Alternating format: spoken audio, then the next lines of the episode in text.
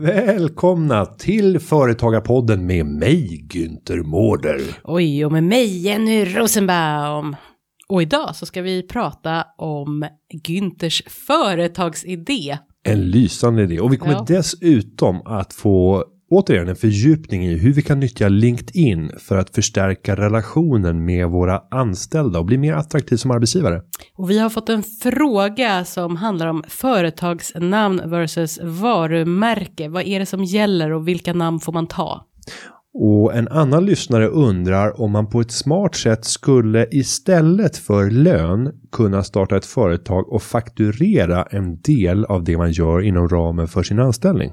Mm, spännande. Och vi kommer även att diskutera vilket ansvar arbetsgivaren har att omplacera någon som är sjuk. Och vi förstår ju att du som lyssnar knappast kan få nog av oss. Såklart. Så, så därför kan man både få möta oss fysiskt och via massor av digitala utsändningar. Eh, Och därför kommer vi tipsa om alla dessa möjligheter avslutningsvis i programmet. Nu Jenny känns det som att nu, kör, vi. Företagarna. Men den här veckan så skulle jag vilja börja med en alldeles egen liten idé som jag har suttit och ruvat på. Oh, vad du har ruvat, men, men eh, okej, det är inte så ovanligt för du, du ruvar ju ganska ofta. Eller ruv, Sprutar av idéer, Exakt. bara skvätter. Exakt, det bara ploppar ut som små ägg, eh, små idéer som Folk kan idéblöta omkring mig. kläckas, kläckas kan de göra. Mm. Vad har du för idé nu då? Så här, Mm. lyssna. Det här, nu mina vänner. Denna idén är bra. Denna idén är bra. Jag tänker så här. I Sverige så finns det mängder av transportföretag. Vissa Mm. transporterar människor, vissa transporterar eh, gods, varor av olika slag. Vissa är jättestora och välkända och därför är de flitigt begagnade. Och då tänker jag på persontransporter så har ju liksom SJ en egen fil för alla vet att SJ finns och de samarbetar också med många underleverantörer på sträckor där de inte trafikerar. Så SJ har liksom ett, ett ganska stark ställning på transport av människor. Men sen har vi även då om vi tänker SAS eller Bra Flyg och Sen finns det ju vissa som har blivit duktiga på att samla enskilda transportslag. Om vi tar flyg så finns det ju jättemånga bra tjänster. Till och med Google har ju nu lyckats hitta en ganska bra tjänst för att hitta alla tänkbara flyg. Om vi tänker Stockholm, Umeå, där är tre bolag som trafikerar. Då kan vi ganska snabbt få fram alla tre för prisjämförelser. Men vi får inte fram de andra alternativen som finns till Umeå i motsvarande plattform. Och du tänker då liksom mindre, Ja, inte bara mindre. Vi skulle Nej. även vilja ha med SJ som ett alternativ redan i första sökningen. Sen skulle vi vilja ha med typ Svebus som en stor bussaktör. Men vi skulle också vilja ha med alla de här små aktörerna. De där som kanske bara sitter med en enda buss. Idag när jag åkte in till jobbet så såg jag en buss Haparanda Stockholm. Jag kan tänka mig att det är en buss, jag har ingen aning, men jag tror att det är en buss som då gick igår natt eller igår kväll från Haparanda, kör hela E4 ner till Stockholm. Och undrar hur lång tid det tar. Ja, men det tar lång tid. Men, men du klarar det på en natt. Så att Ja. de kanske gick på klockan sju och så kommer de fram vid, vid sju, vad vet jag. Och det där är ju ett, förmodligen ett ganska effektivt sätt att transportera. Om de fyller upp den där bussen med Ja, ja. 30 pers och du ändå ligger och sover och det är jättesköna Mm. säten. Men det är jättesvårt att hitta de här aktörerna om det inte är en sträcka som du regelbundet reser på. Eller är det så svårt att hitta dem om du verkligen söker dem? Det, Ja. det svåra är väl att hitta alla samlade? Eller? Ja, eh, jo men jag skulle nog vilja hävda att det är svårt att hitta dem. För du måste ha eh, transportföretag som Mm. har optimerat sin sajt sökmässigt. Och finnas med på De måste finnas 10, med, ja. Mm. eh, För att den ska bli relevant. Och normalt sett på större sträckor så finns det ju fler än tio transportsätt att ta sig. Och jag vill även ha gods. Tänk dig då att vi går in på motsvarande Google Maps. Och bara säga att hit, eh, härifrån vill jag åka och jag vill åka hit. Och sen kommer alla tillgängliga transportslag, alla företag upp på den här plattformen. Och där du kan välja och vraka färdsätt. Och, och det här finns inte idag på nationell basis. Det finns enskilda lokala initiativ. Du pratade om en som fanns i Stockholm som jag inte känner till. Mm, jag kommer inte ihåg vad den heter, men det är väl någon sån app som man kan se då eh, också från härifrån till hit och sen så är det alternativ att man går eller att man eh, springer. Nej, Springer att man går eller- att man, eller att man åker bil eller att man åker eh, ehm, lokalt. Lokalt. Ja, och olika eh, lokala eller kommunala Ja, färdmedel. precis, kommunalt Och, och vilket, vil- vilken Mm. tid det tar. Och där är ju såklart SL har ju sin Mm. egen marknad här då. Men det här hade varit häftigt och man skulle kunna till och med tänka sig att det här skulle kunna vara statligt stimulerat. Oj då. Jo, för Mm. jag tänker så här, och jag är inte den som vill ha liksom statliga stimulanser eller statligt ens ägda företag om det inte är viktigt för infrastrukturen. Men man skulle kunna argumentera för att det här är Mm. viktigt för den svenska infrastrukturen. För att vi ska få fart på tillväxt i Sverige så handlar det om att vi måste kunna få varor och människor och kapital att röra sig så snabbt som möjligt. Det är ju det som hela den Europeiska unionen handlar om. Där pratar vi om en inre marknad med fri rörlighet. Och sen vill man att den fria rörligheten ska liksom öka hastighetsmässigt. Det ska gå lättare att flytta pengar mellan länder, att kunna ta arbeten på olika marknader, att kunna flytta varor utan att det blir beskattning av olika slag eller hinder längs vägen. Så det här blir ju ett sätt att skapa en inre marknad. Man skulle även kunna tänka sig att det här skulle ske på ett europeiskt, eh, på en europeisk nivå. Att du startade, att det var EU som finansierade uppstarten av en sån här plattform. Alltså, jag tycker att det här är jätteintressant och en jätteintressant idé, men ännu mer intressant tycker jag det är att hur du liksom tar din idé från någonting ganska litet och nu pratar vi liksom stort. Hur kom du ens på denna idén? Och, ja, Jo, eh, det ska jag faktiskt komma till. För att eh, jag satt och pratade med en av våra medlemmar som har startat en busslinje mellan Trosa och Stockholm. Och det här har kommunen jobbat med en speciell upphandlingsform så att det är helt i privat regi. Men eh, under uppstarten av den här linjen för att minska risken för att starta det. För det var ju kommunens intresse att förenkla förbindelsen mellan men Trosa och visst finns Stockholm. det någon sån? eh, Ja, ja, men det är det jag pratar om. Men är det den du pratar om? För det finns någon sån Trosa-buss. Ja, ja, det är den. Och det är, med- väldigt bra, för jag och ska det är ha... medlem och han, han är ordförande i, i Trosa. Nej, men det var väldigt Trosa. bra, för jag ska nämligen eventuellt på, en förhandling i det området. Och Ja, då då tänker ska jag du begagna den. då måste jag ju, ja för annars måste man byta och det är lite jobbigt. Sen tror jag, Mm. det här kan jag ha fel. Men jag tror att det kanske är, ja, han måste ju åka tillbaka. Så det borde finnas någon morgonbuss även från Till. Stockholm till Trosa. Det är det som man är Men det är framförallt andra vägen som är hans huvuduppgift Ja. Mm. Och sen på kvällen att köra tillbaka folk till Trosa. Men i den offentliga upphandling som kommunen gjorde Mm. så sa man att för varje person som åker den här bussen Mm. så får du ett anslag. För att vi vill stimulera igång det. Mm. Och det gör att du kan ta lite lägre priser än vad som egentligen är motiverat för att få igång en efterfrågan på det här. För att det ökar attraktionen att bosätta sig hos oss i Trosa. Och sen successivt så har det där bidraget från kommunen minskat per nyttjare av tjänsten. Och det här är en upphandlingsform som, som Trosa har begagnat i, i många fler lägen. Jag törs inte säga om det är för simhall, men du kan tänka dig motsvarande. Att du startar en privat simhall, men kommunen säger att för varje person som kommer hit, för vi tycker att vi ska ha en simhall, det är viktigt för oss, så betalar vi 30 kronor per deltagare. Och sen när man har fått igång verksamheten så planar det successivt ut. Företagare måste bara veta vilka förutsättningar som gäller för det. Men eh, det är det jag menar. Hur hittar man den här Trosa-bussen för dig som ska åka på en förhandling? För alla som bor där så är de fullt medvetna om det. Jag vet också att det finns ett, ett bussbolag som eh, heter Bus for you eller Netbus.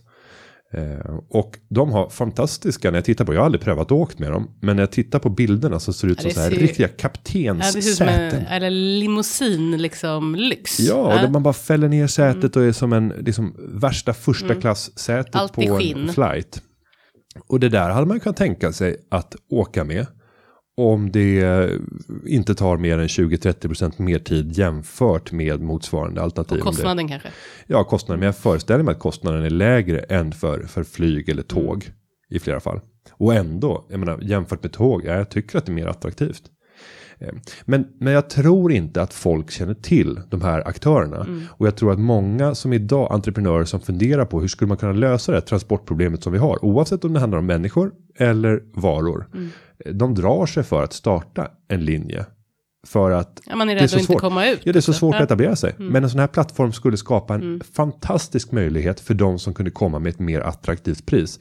Jag kan ju på direkten se en ganska stor eh, marknad för en eh, minibuss som går från Bromma flygplats och från Arlanda och från alla andra regionala flygplatser runt om i Sverige. Mm. Som har en enda körning eh, och har två stopp. Men på en linje som inte trafikeras av flygbuss Mm. om det finns fr- från den flygplatsen. Utan man gör en liten annan sträckning.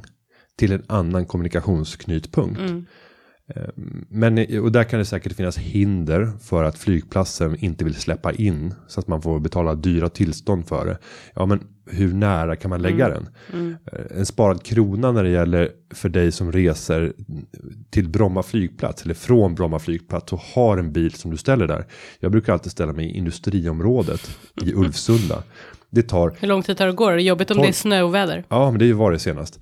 12, 12 minuter tar det att gå från eh, industriområdet in Men blir du upphetsad, alltså blir du peppad av att göra det här och så, så du går där och så är det snöoväder och det handlar inte om pengarna som sådant för dig utan det blir mer en princip. eh. Ja, det är det. Eller, eller blir du lite så här, fasiken, varför var jag tvungen att vara så sjukt snål denna, just denna snöoväderdag? Ja, ja, men senast så kände jag faktiskt det Mm. på vägen eh, till flyget när jag hade ställt det för det Mm. var riktigt dåligt.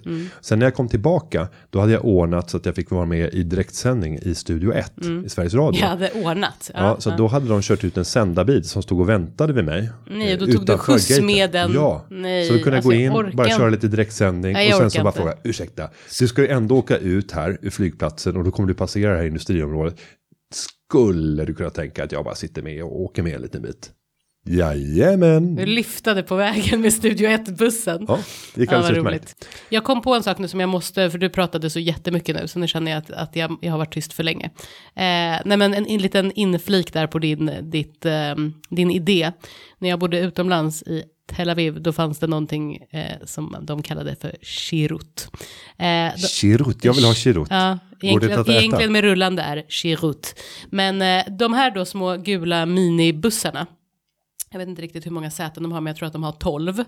De åker olika linjer, alltså det här skulle vara så klockrent i Sverige, alltså, de åker olika linjer.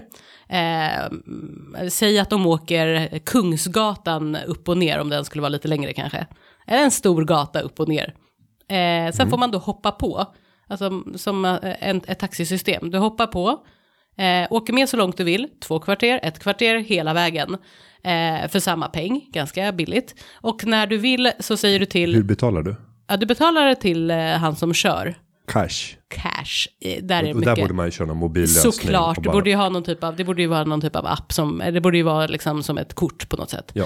Eh, och sen så säger du bara, eller du skriker då, hallå, kan du stanna mig där vid nästa rödljus? Och så stannar han vid nästa rödljus. Och nu skulle inte det här riktigt funka just i Sverige, för du får inte riktigt stanna på det sättet överallt och det kan vara lite trafikfarligt kanske.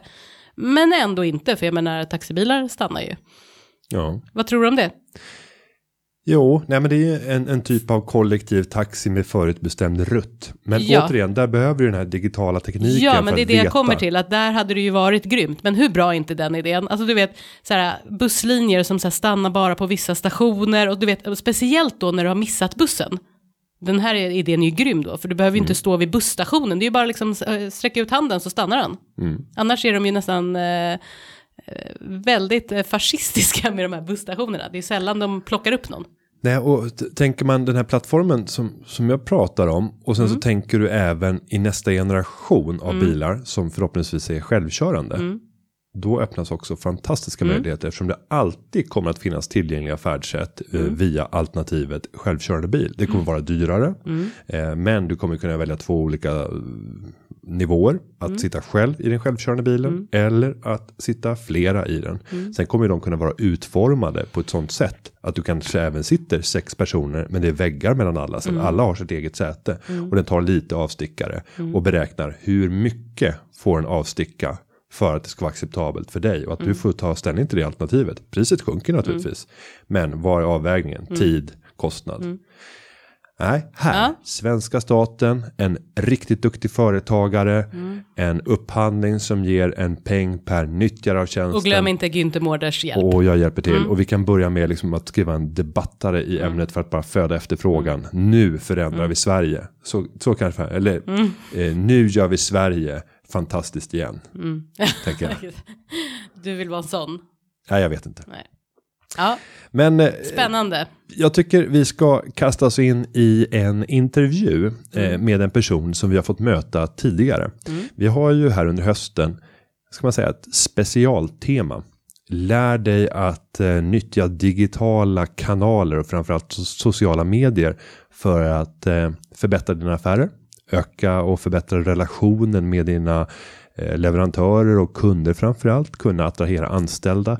Och den här gången ska vi återigen få träffa experten på LinkedIn. Peter Mörling. Varsågoda.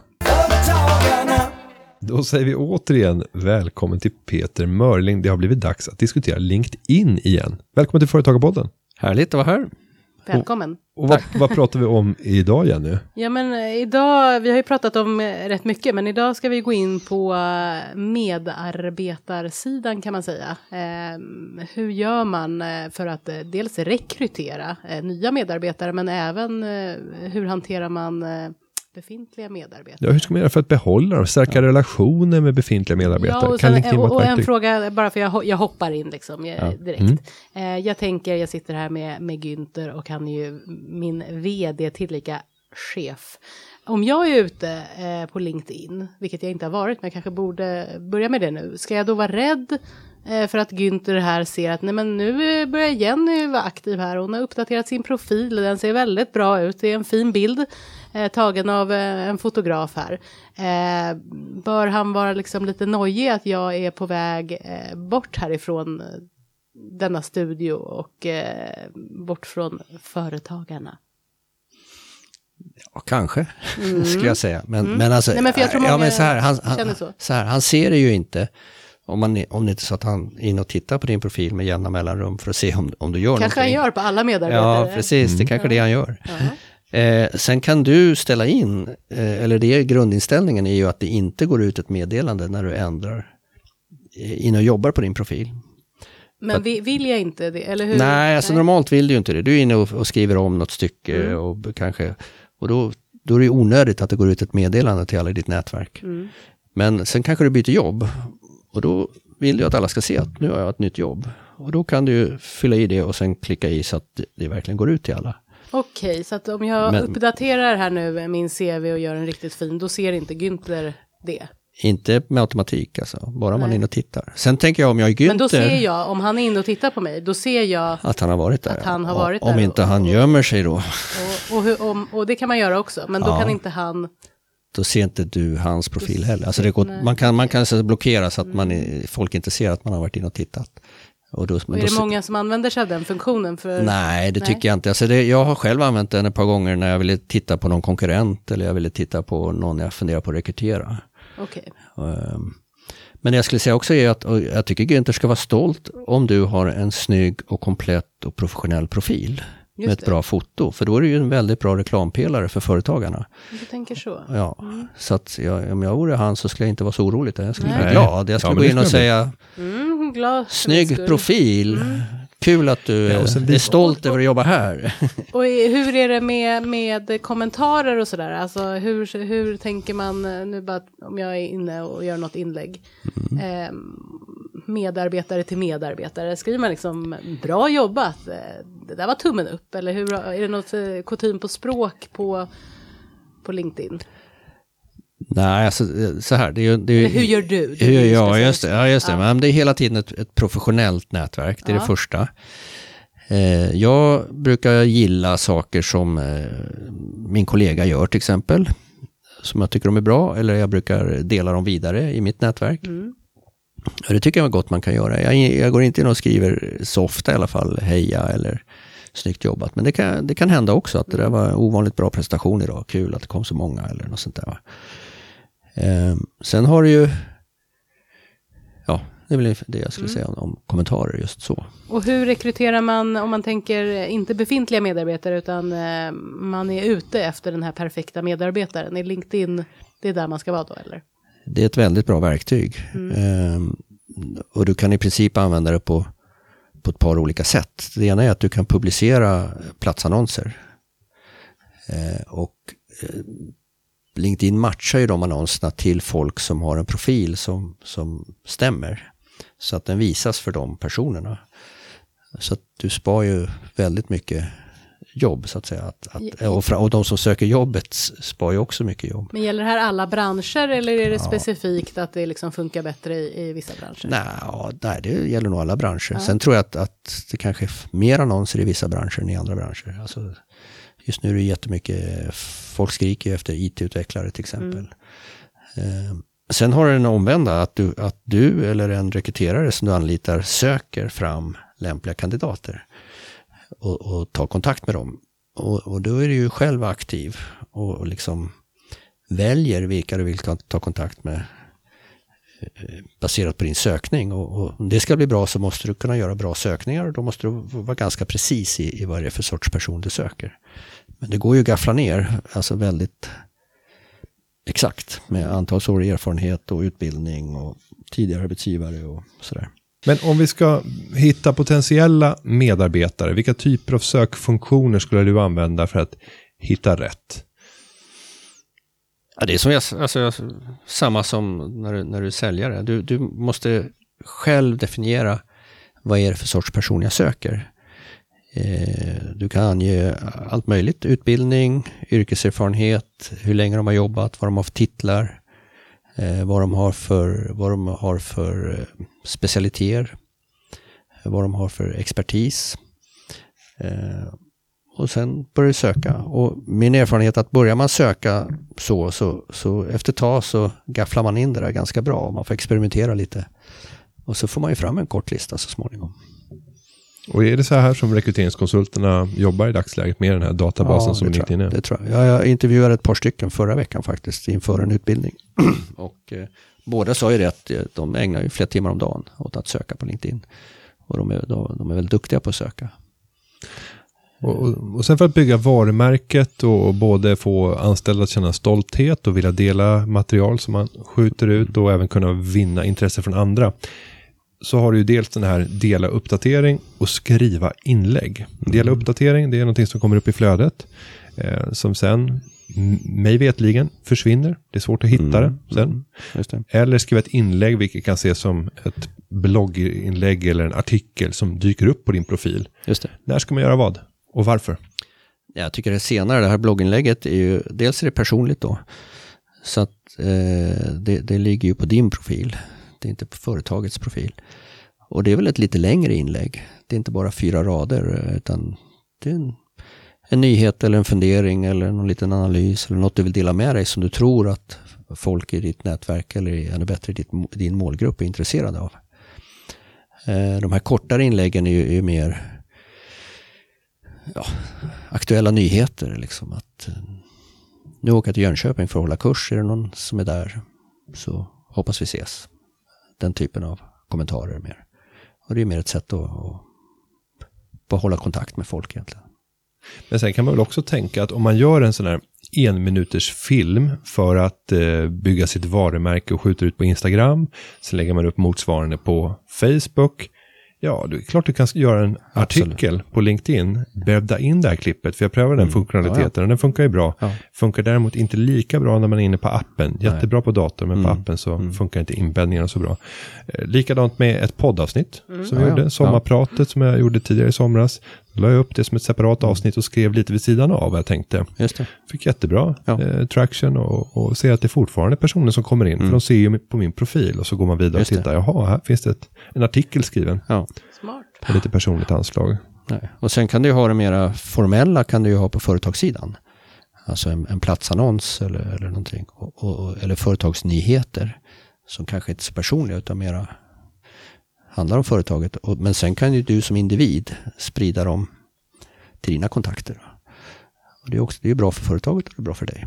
Mm. Men med det så säger vi stort tack till Peter Mörling för att mm. du har kommit och gästat oss inte mindre än tre gånger ja, i Företagarpodden. Tack så hemskt mycket. Ja, tack själva. Mycket. Det är jätteroligt att springa hem och uppdatera min profil riktigt, riktigt fint nu. Och jag har redan skickat vänförfrågan till Peter. Vi får se vad han säger. Ja, ja precis. Vi får se. Mm. Tack för idag. Tack. Hej.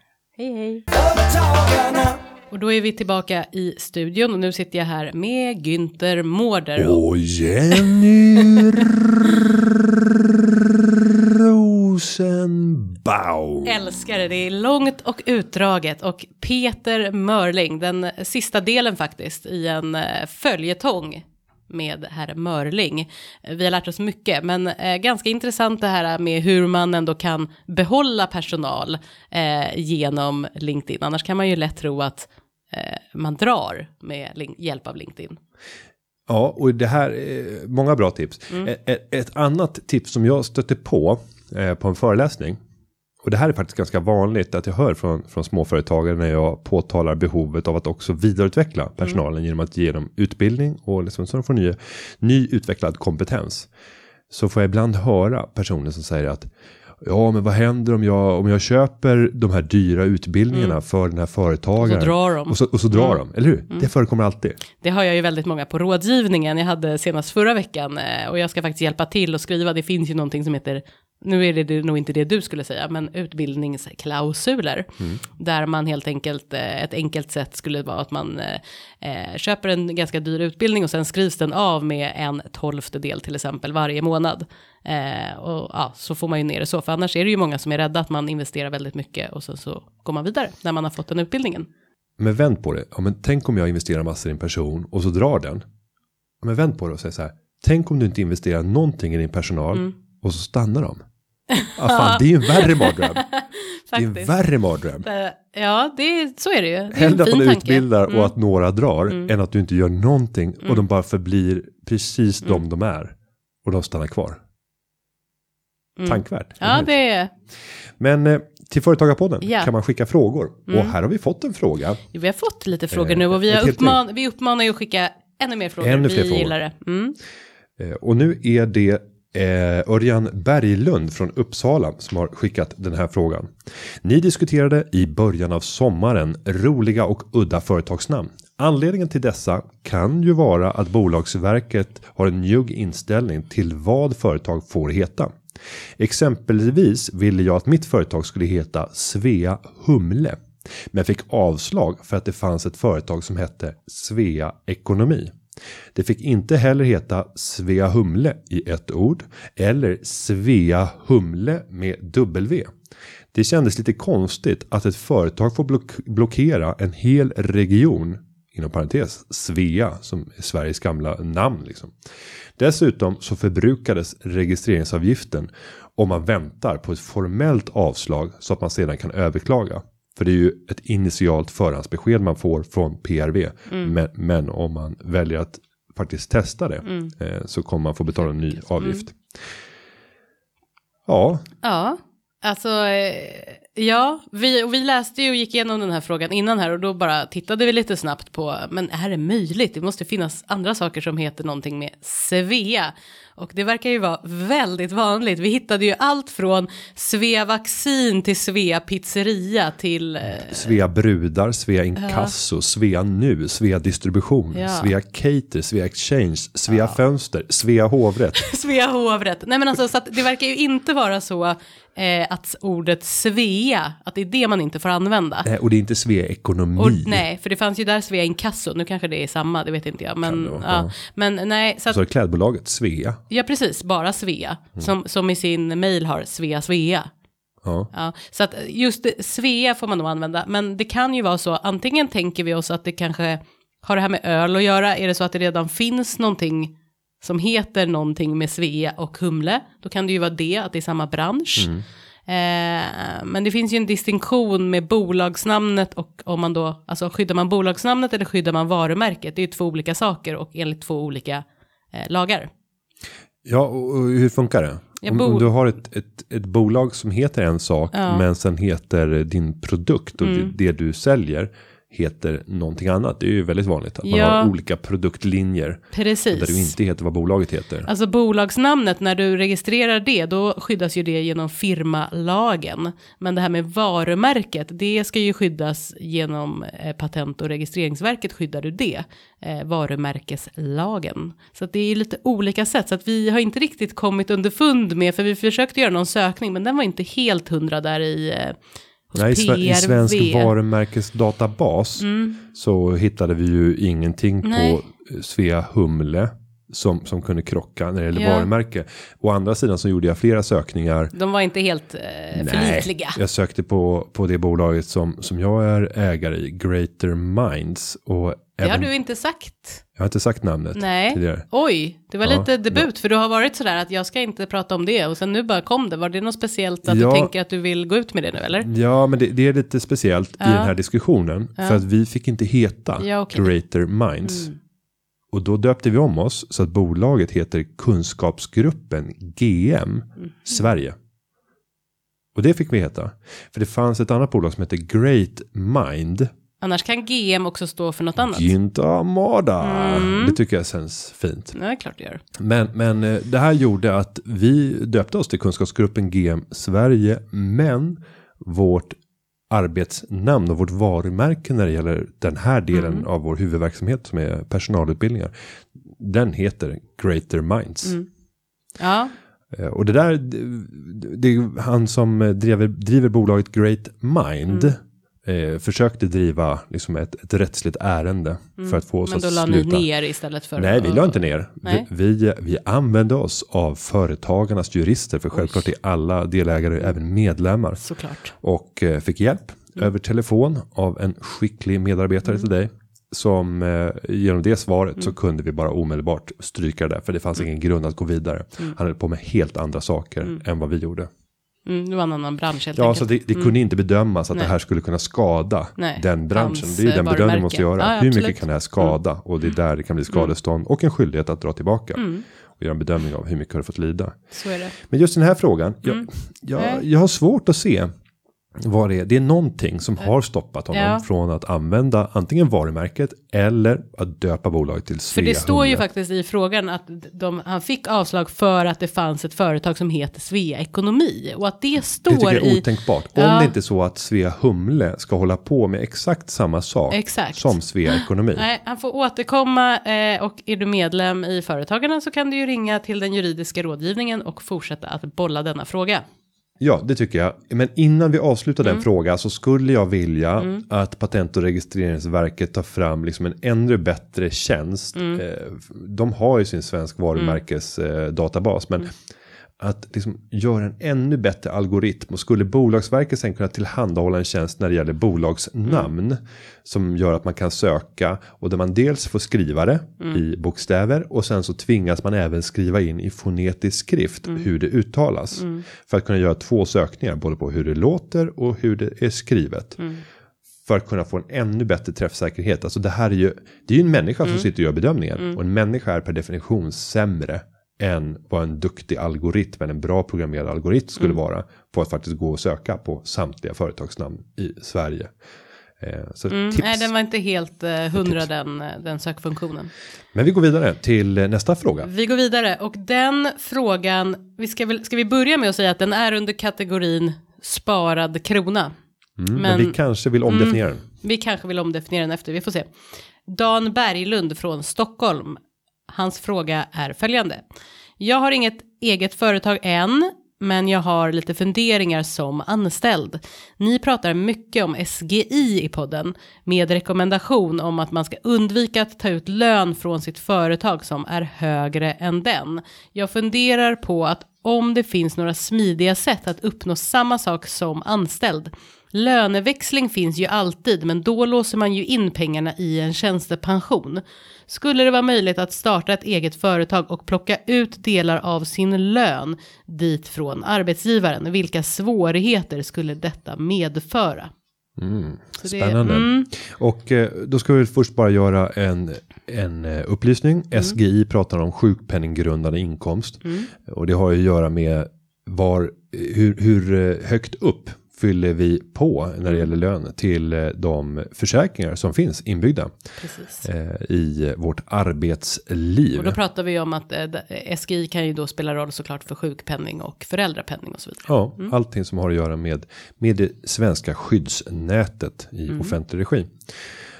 Och där kan vi väl först säga att eh, det finns en gräns på 7,5 prisbasbelopp eh, för när du har nått ett tak där det slutas göra inbetalningar där arbetsgivaravgiften som man betalar in inte går till att ge dig försäkringsmoment på arbetsmarknaden. Och det blir översatt till en månadslön på 27 700 kronor ungefär. Och det är för 2016. 2016 Ja. och det kommer vara en minimal förändring för nästa år för vi har nästan ingen inflation så prisbasbeloppet kommer att bara förändras med några hundra kronor. Och då kan man säga att tjänar du över den här nivån så kommer arbetsgivaravgiften i det närmsta att vara en ren skatt eftersom det inte innehåller moment som att det blir pensionssparande för det är också en del av det här försäkringspaketet eller de här försäkringarna när det gäller eh, vad vi får när vi blir sjuka eller ska vara föräldralediga eller annat. Men sen finns det ytterligare en komponent i det här och det är ju att eh, vi betalar statlig inkomstskatt. Och där blir det ju väldigt kostsamt. Eh, Och redan när vi tjänar 36 933 kronor. Eller ska vi för enkelhetens skull säga 37 000 kronor. Så börjar du betala hälften av allt du tjänar över den nivån. I skatt. Till och med mer än, än hälften. För att det, då är det 20% statlig skatt som tillkommer. Och beroende på var i Sverige. Så kommer din kommunal och landstingsskatt att variera från strax under 30 till en bra bit över 30. Eh, vissa uppåt 35 procent eh, till och med. Om man bor i urfattiga avfolkningskommuner. Så det här gör att det blir en ohygglig skattesats. Dessutom så om du passerar gränsen 53 000 kronor eller 53 233 då bryter du gränsen för värnskatt. Och då betalar du ytterligare 5 procentenheter i skatt, alltså 25 procent ovanpå den kommunala och landstingsskatt som du betalar ursprungligen. Ja, men det, och det är ju ganska eh, mycket i skatt och då tänker man ju frågan vad kan han göra för att undvika detta? Och nu vet vi inte om han då tjänar så Nej, mycket vi, vi, kanske. har ingen, vi har ingen aning om. Nej. Och jag kan säga redan i grunden, du får rätta mig om jag har fel, men det är Mm. otroligt svårt att inom ramen för en anställning säga Mm. att ja, men efter, låt oss säga, vid statliga inkomstskatten, eh, vid 36 Mm. 933 kronor, efter det, då vill jag fakturera. Det funkar inte så. Nej. Skatteverket kommer slå bakut på en sån. Skatteverket kommer inte vara glada och sen kommer du dessutom eh, ha ett problem att det kommer fortfarande, gör du exakt samma saker och bara delar upp det sådär så kommer du fortfarande anses vara ändå en arbetstagare och då ska du ju ha lön. Det är förtäckt Eh, anställning. Ja, precis. Eller- Ja. Och sen kan du ju ändra, eh, vi har pratat om det där tidigare, att vissa arbetsgivare, om man då till exempel kanske inte har velat visstidsanställa längre, kan be den anställde att starta bolag.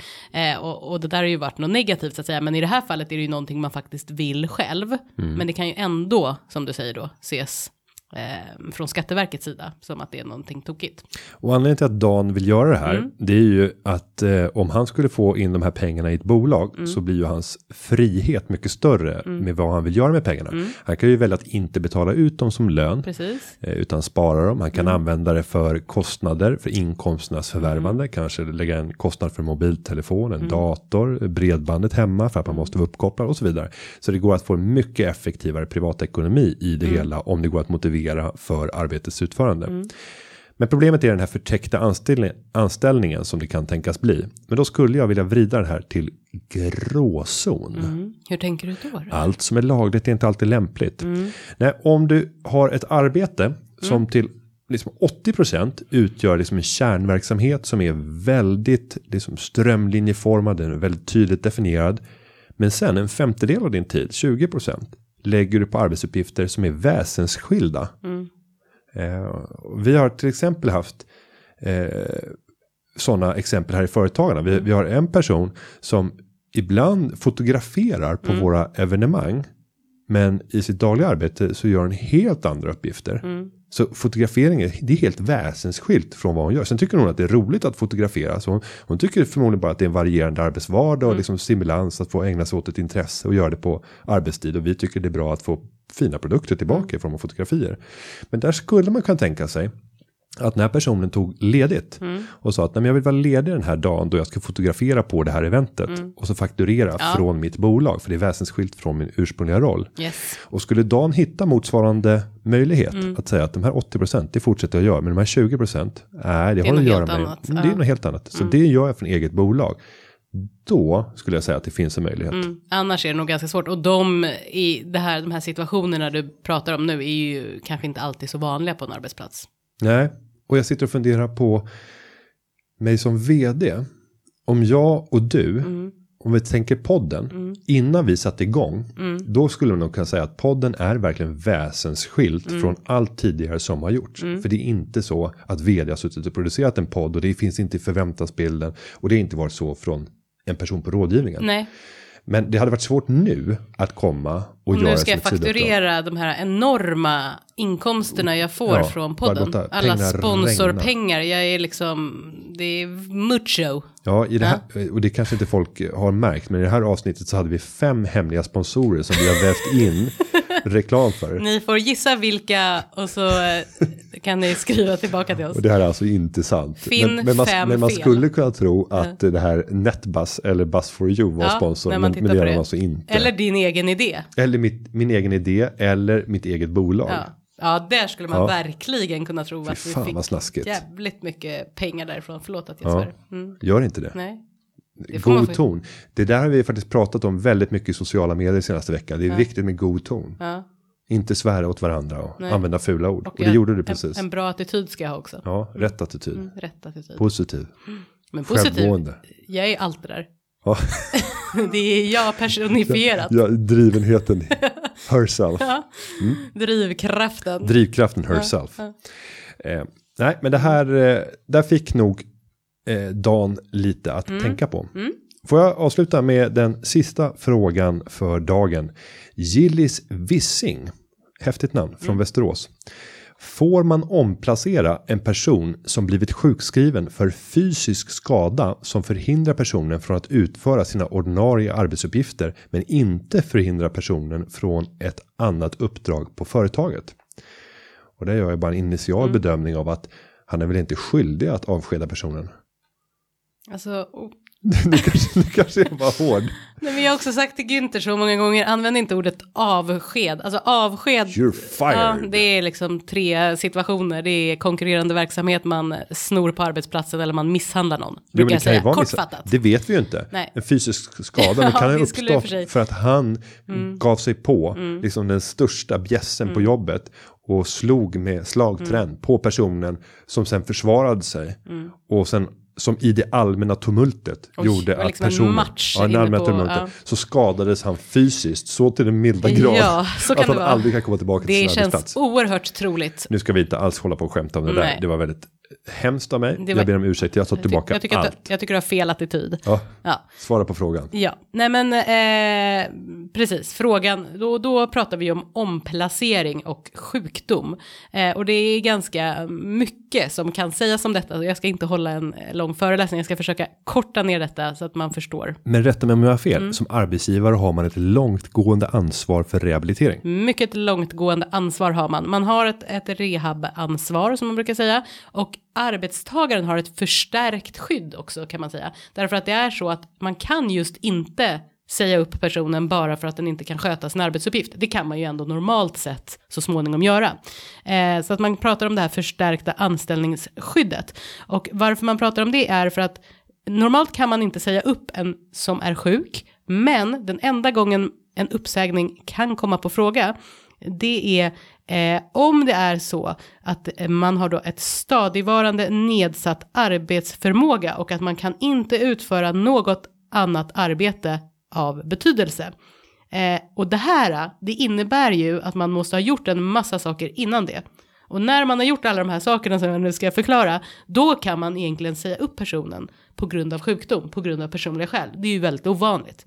Men innan man överhuvudtaget ens ska komma dit, och det är inte det som är tanken att man ska säga upp personen, det är inte Och- där nej, jag ska och, och rätt, hamna. Mm. Rätt mig om jag har fel, nu ska inte jag avbryta. Men, Jo, gör det. Men, men är det inte så att personen förmodligen har blivit långtidssjukskriven i ett sånt läge redan innan? För att man har bedömt från Försäkringskassan att du är oförmögen. Det beror på vad företaget Ja, gör. precis. Och ibland kan- kan... det vara så att det står typ i sjukintygen att ja, men, eh, om två månader kommer personen komma tillbaka 25% och sen så räknar vi med 50, 75 och kanske 100 eller att det liksom Ja. är något sånt. Men Och- i det här jag- fallet så ska det liksom egentligen stå att personen kommer inte kunna utföra någonting av betydelse. Och. Mm. och jag får dra tillbaka där för att det kan ju faktiskt vara så.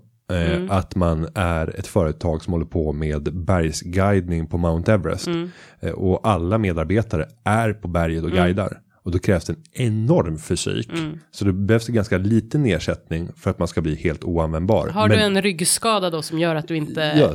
kan ta dig upp? Och det finns ingen omplacering. För Nej. Mm. att alla måste jobba som guider för att få in intäkter. Det finns inga administrativa tjänster. Exakt. Men du skulle vara väldigt förmögen att kunna jobba på mängder av andra arbetsplatser. Ja, där ja, det ja, ja. ja, ja, vi pratar ju om, om arbetsplatser. Så att det som sker och det man måste göra, för här är ju frågan då, får man omplacera en person? Alltså jag skulle säga att du måste göra det. Så att du måste göra en eh, omplaceringsutredning och då tittar du ju först då inom ramen för anställningsavtalet. Finns det andra uppgifter som personen kan göra? Och då är det väldigt viktigt, man tittar på lediga befattningar. Man tittar inte på putta ut någon, vi pratar inte turordning, det är någonting annat. Utan omplacering tittar man på, lediga befattningar. Och är det så att det inte finns, ja men då kanske man tittar utanför anställningsavtalet och allt det här ska ju ske då självklart med facket om man är eh, med i facket. Men, men jag kan säga inom ramen för anställningsavtalet, där har man väldigt stor frihet som arbetsgivare att leda och fördela arbetet som det så fint heter. Eh, men tittar man utanför anställningsavtalet, eh, ja då är det ju till den tjänsten, till den lönen som man då blir erbjuden ett arbete. Och då är det egentligen så att tackar man nej när det inte finns något annat, ja då blir man egentligen uppsagd. Så att det är jätteviktigt att göra den här omplaceringsutredningen och ge omplaceringserbjudande och förhandla fram det då. Och för att eh, fördjupa Mm. just den här frågan kring företagarens ansvar för Mm. sina anställda. Så skulle vi kunna ta ett annat exempel på en person som direkt efter jobbet Mm. går ut och vad man skulle kunna kalla krökar, knarkar och knackar. De tre. K'na. Ja, så ut och slåss och knarkar och, och krökar. Eh, I det läget, sen så, och så går hela natten och sen så, så sover personen lite ruset av sig, blir av med lite knarkis i kroppen, eh, blåtiror och annat, blod på händerna, torkas av, kommer in på arbetsplatsen igen. Eh, fungerar inte optimalt för att det här verkar tära på, på kroppen. Men det här är någonting som personen gör helt utanför arbetet. Vad har man för ansvar då som arbetsgivare? Ja, alltså det där beror ju lite på. Eh, om det, jag brukar säga, är det en person som kommer bakfull till jobbet på Det gör personen. Ja, vi säger på en måndag eh, och, och mår inte bra. Eh, ja, då skulle jag säga att man får en varning, en skriftlig varning eh, om man inte kan bete sig. Men nu kommer ju då det här eh, som du skulle kanske då gråzonaktiga. Är det så att personen alltså är alkoholist till exempel? Mm, det, är, det är personen ja, och missbrukare av narkotika. Ja, ja, och, då är det ju att fighter. se som en, ja fighter kanske inte, och narkotika faktiskt kan man säga är inte lika mycket att beakta som sjukdom som alkoholism och det är på grund av att det är olagligt, men ändå så kan man diskutera det här sjukdomen. Men om vi tar alkoholist, eh, då är det ju en stor skillnad om du har varit ute och partajat och kommer bakis en eller två gånger för att du liksom inte klarar av situationen. Eller Så det här är ingenting jag ska göra om någon har varit på ett bröllop på helgen. då ska du inte Att komma och ge kom- dem en varning på måndagen. Eh, Om det- de har varit på ett trevligt bröllop. Jo, men det kan man göra trevligt och trevligt. Alltså kommer du tillbaka och inte kan sköta dina arbetsuppgifter och kommer in halvpackad på jobbet. Det är inte helt okej. Nej. Så då skulle jag säga det. Men nu Men, kommer men om de kommer, Om helt, de gör helt, det- om de kommer helt nyktra och ändå, och har haft jättetrevligt på helgen men har Eh. ändå krökat på rejält. ja, det är okej. Det är okej. Ja. Men tredje scenariot, du är alkoholist eh, och eh, då kanske du inte går och säger det är inte okej, du får en varning, för då handlar det ju om en sjukdom. Då kommer ett rehabiliteringsansvar in. Och, och det är ganska långtgående. Du måste vidta ganska stora åtgärder och ta eh, kostnader för att komma till rätta med det här problemet. Alltså, Kostnaderna faktiskt eh, har blivit lite förändrade med det här rehabiliteringsansvaret har ju eh, ändrat lite, inte själva ansvaret men just kostnaderna utan kostnader som arbetsgivaren faktiskt har, de är i princip arbetslivsinriktade kan man säga eh, med anknytning till företaget så att just kostnader för till exempel att höja och sänka skrivbord, alltså sådana saker men att skicka iväg någon på ett eh, hem behöver faktiskt inte du stå kostnaden för som arbetsgivare. Utan det tar det offentliga, för Ja, du behöver inte finansiera precis. det Mm. själv heller. Exakt. Sen så kan du ju ha egna försäkringar och, och, och så vidare. Men eh, jag vet inte om jag har svarat på frågan. Eh, jag, Jo, men det tycker jag. Ja. Eh, sen så är det ju alltid Man behöver att man- omplacera helt enkelt. Eller man behöver göra en omplaceringsutredning och man behöver absolut se vad man ska omplacera. Så det här är en skyldighet och omplaceringsskyldigheten finns ju i lagen om anställningsskydd. Eh, Och om jag vore Gillis Mm. så skulle jag ju bara lyfta luren, ringa till företagarnas rådgivning Mm. och bara på förmodligen 5-10 minuter kunna få ett väldigt bra svar utifrån att man faktiskt beskriver vad är den fysiska skadan, vad gör ni på Precis, jobbet, vad vad finns det för andra Ja. Mm. roller. Eh, så kan du komma väldigt långt just i det här specifika unika fallet. Med det så börjar vi närma oss eh, slutet. Ja, och då tänker jag att vad händer här framöver? Eh, Det är så mycket som ja, händer. det är så mycket, men, men eh, en sak som jag ska vara med på, med dig. Berätta. Jo, vi kommer att livesända Företagarpodden och du som lyssnare är bjuden. Eh, Och jag tror dessutom att det är fri entré till en mycket spännande dag. Det Man måste handlar anmäla sig dock. man måste anmäla sig. Det heter Sweden Demo Day.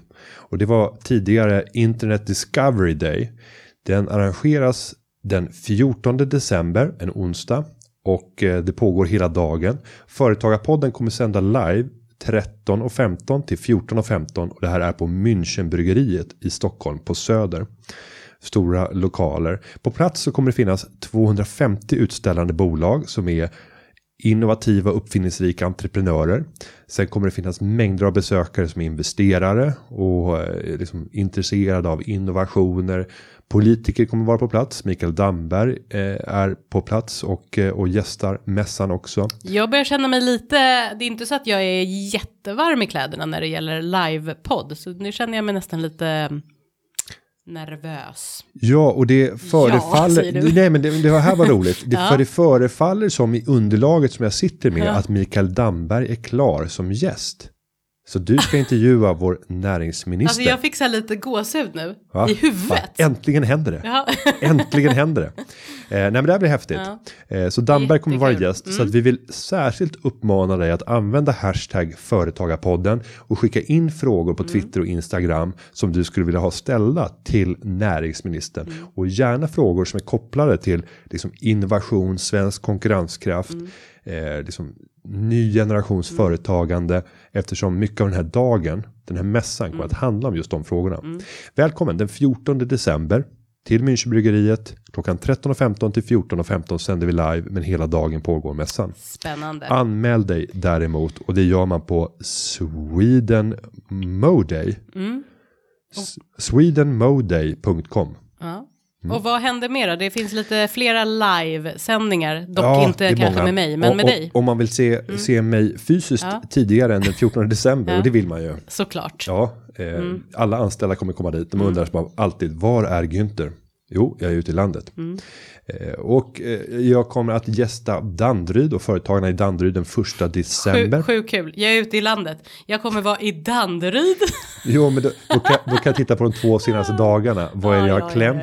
Jo, igår då var jag i Varberg Mm. och träffade årets företagare i Halland 2015. Jag var i Halmstad och föreläste på marknadsföreningen. Dagen dessförinnan var jag i Mellbystrand, Ja, ja, ja, ja, Laholm ja. och dessutom Skellefteå. Så nu är det Danderyd. Helv- Ja, Ja, var jag oj, reser. oj, oj. Ja, du reser mycket. Eh, och då är det den första december klockan 07.30 så kommer jag att befinna mig på Cedergrenska tornet, Kungsvägen 2 i Stocksund. Men har du ett sånt här som vi pratade om sist då, ett sånt här SJ guldkort? Nej, det har jag Varför inte. har du inte det? Tror inte du att det skulle vara lönsamt? Eh, Om du tänker in då alla förmåner vi har pratat om. Kanske inte att du ska sova där och ha det som boende, men alla så här. Ja, men dels resorna, du gör väldigt mycket resor, sen hotellfrukostar ja. och så vidare. Eh, nej, det, det skulle inte löna sig för att jag har så varierat transportsätt. Alltså jag åker ju inte enkom tåg som Nej. nu. Alltså ta sig från Stockholm, Skellefteå, Skellefteå, Laholm. Mm. På samma dag. Det går liksom inte med tåg. Nej, så utan, då åkte du bil. eh, ja, ja, jag tog bilen upp till Skellefteå för att sen ta bilen ner till Laholm. Nej, men du åkte bil emellan lite. Ja, jag Ja, blev skjutsad av ja. regionchefen lokalt. Så att det är, du Eh, skulle... nej, aha, okej. nej men då flög jag Mm. eh, kollektivt. Ja. Eh, jätteroligt när man flyger kollektivt och du vet när, när eh, det kommer ut sådana här trevliga värdinnor och frågar eh, kaffe, te. Eh, och sen kan man få Jag flög kollektivt. Ja, men det är när man flyger med en massa andra människor. Det är fullproppat med blandat människor. Det är gamla, unga, ibland är det barn som är med på, på flygplanet. Brukar du flyga privat annars eller? Eh, när, man- när man flyger affärsflyg, då är det så ensamt. Och så är det så trångt när man ska gå in och man måste ducka. Och så sitter man där och så ensamt så. Ho, ho, ho, ho. Och så får man, får man gå fram till piloten och sitta och prata. Så bara, "Ja, är, är det långt kvar? Jag har inte hört att ni har ropat ut hur vädret är på ankomstorten. Ska ni göra det? Ja, det är synd om dig. Ja, jag sa det där till en regionchef som, som eh, hade ordnat, som meddelade när jag skulle lämna den här konferensen. Sen har jag ordnat eh, flyg till dig och då, då kör jag dig till flygplatsen. Och då frågar jag, ska jag få åka kollektivt? Så bara, vad menar du? Jag menar att, eh, ska jag få flyga kollektivt? Alltså med massa andra människor och där de kommer ut med vagn och serverar kaffe och sånt där. Så bara, ja, vad roligt. Vad kul, Spännande. vad kul att flyga kollektivt. Annars är det lastflygplan. Alltså, sitter i ett lastutrymme. Annars kör jag alltid Alltså, ett, jag- Herku, ett Hercules. Ja men alltså däremot så här propellerplan. Företagets eget Hercules. Ja. ja, Ja. Mm. Eh, så det, det om det. Danderyd första december. Sen så sänder jag ju väldigt mycket live. Och så även den senaste veckan. Så går man in på min Facebook-profil och ibland eh, även på lokala företagare Facebook-sidor. Men jag brukar då länka dem till min egen också. Så kan man se från Laholm.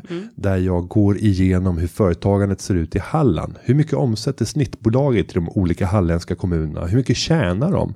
Hur ser det ut med jämställdheten när det kommer till företagandet? Hur stor andel av företagarna i de här kommunerna är äldre än 65 år? Och alltså står inför ett stundande generationsskifte. Många frågor. Ja, sen har jag en, en sändning från marknadsföreningen i Halland. Den finns på Hallands, eller Halmstads Facebook-sida. Där pratar jag om hur man ska få modet att starta sitt eget företag och vikten av att våga ta risker och hur man skapar möjligheten att kunna ta de riskerna. Vackert. Sen gjorde jag en annan intressant sak förra veckan. Och den finns nu ute. Eh, Det är en talkshow som heter eh, Edit på SVT. Så går man in på SVT Play och söker på Edit.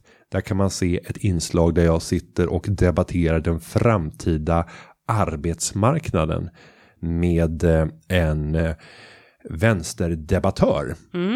Den var väldigt spännande så det skulle jag rekommendera er att Ja, den är, energi, den är energifylld och vi har verkligen helt olika syn på världen. Och det där kan vara rätt spännande att se på. För att det, det berättar också lite grann om hur samhället är funtat. Eh, och hur olika människor tänker och det bidrar till en förståelse för de konflikter som finns. Både i politiken och i samhället i övrigt. så kan man säga. Uttrycker jag mig mjukt och försiktigt. Diplomatiskt. Och sen för dig som är börsintresserad så har jag även gjort en 30 minuters sändning som ligger på min egen Facebook-sida där jag berättar om vad jag tror om börsen framöver och även går igenom min privata aktieportfölj och berättar om vad jag har gjort och vad jag tänker göra framöver. Alltså hur ofta tittar du på din privata portfölj och bara ja, nu händer det igen. Fem gånger per dag ungefär. Ja, Ja, och två gånger hittills idag. Jag konstaterade redan Jo, att vi har tjänat bra med pengar här på morgonen. jag älskar också så är här, vi har, så här, han säger så här, Jenny, idag har vi tjänat bra med pengar. Då tänker jag ju direkt så här, Åh! har jag? Gud vad härligt. Vad har jag gjort? Ska, vi de, ska du dela med dig? Eh, tids Men nog. han menade inte, jag var inte inkluderad där. Jo, tids nog så kommer det, Mm. kommer det någonting glatt. Vi ska ju även göra en, en lönerevidering här. Oj, tänkt nästa oj, år. oj, oj, Nästa. Mm. år hade vi tänkt att göra det. Så att det, det är säll, sällsynt, men det dyker upp när man minst anar det. Oj, oj, oj. Spännande. Med det Jenny så Ja. säger vi stort tack för en härlig dag Mm. i studion och tack till dig som lyssnat. Gillar du den här podden? Gå in och ge oss ett betyg på iTunes podcaster eller den app som du använder. Och prenumererar du inte så gör det. Gör det och sprid den bland dina ja, vänner. och prata, mycket prat, prat, prat. Ja, jag skulle gärna se att tipsa vännerna genom ett Facebook-inlägg där du berättar hur mycket du älskar Jenny och hennes geniala Mm. inlägg och kunskapsspridande insatser. Precis, jag är... Gör det på Twitter, gör det på Instagram, gör det överallt. Var Skrik, gå ut på torget, på Stora torget utanför Stadshotellet och skrik ut. Ja, Jag underbart. Mm. älskar Företagarpodden. Med det så säger vi stort tack och vi hörs nästa vecka. Det gör vi. Och den här podcasten har spelats in och klippts av Kim Linkrus. Hej då! Hej Sven! Företagarna.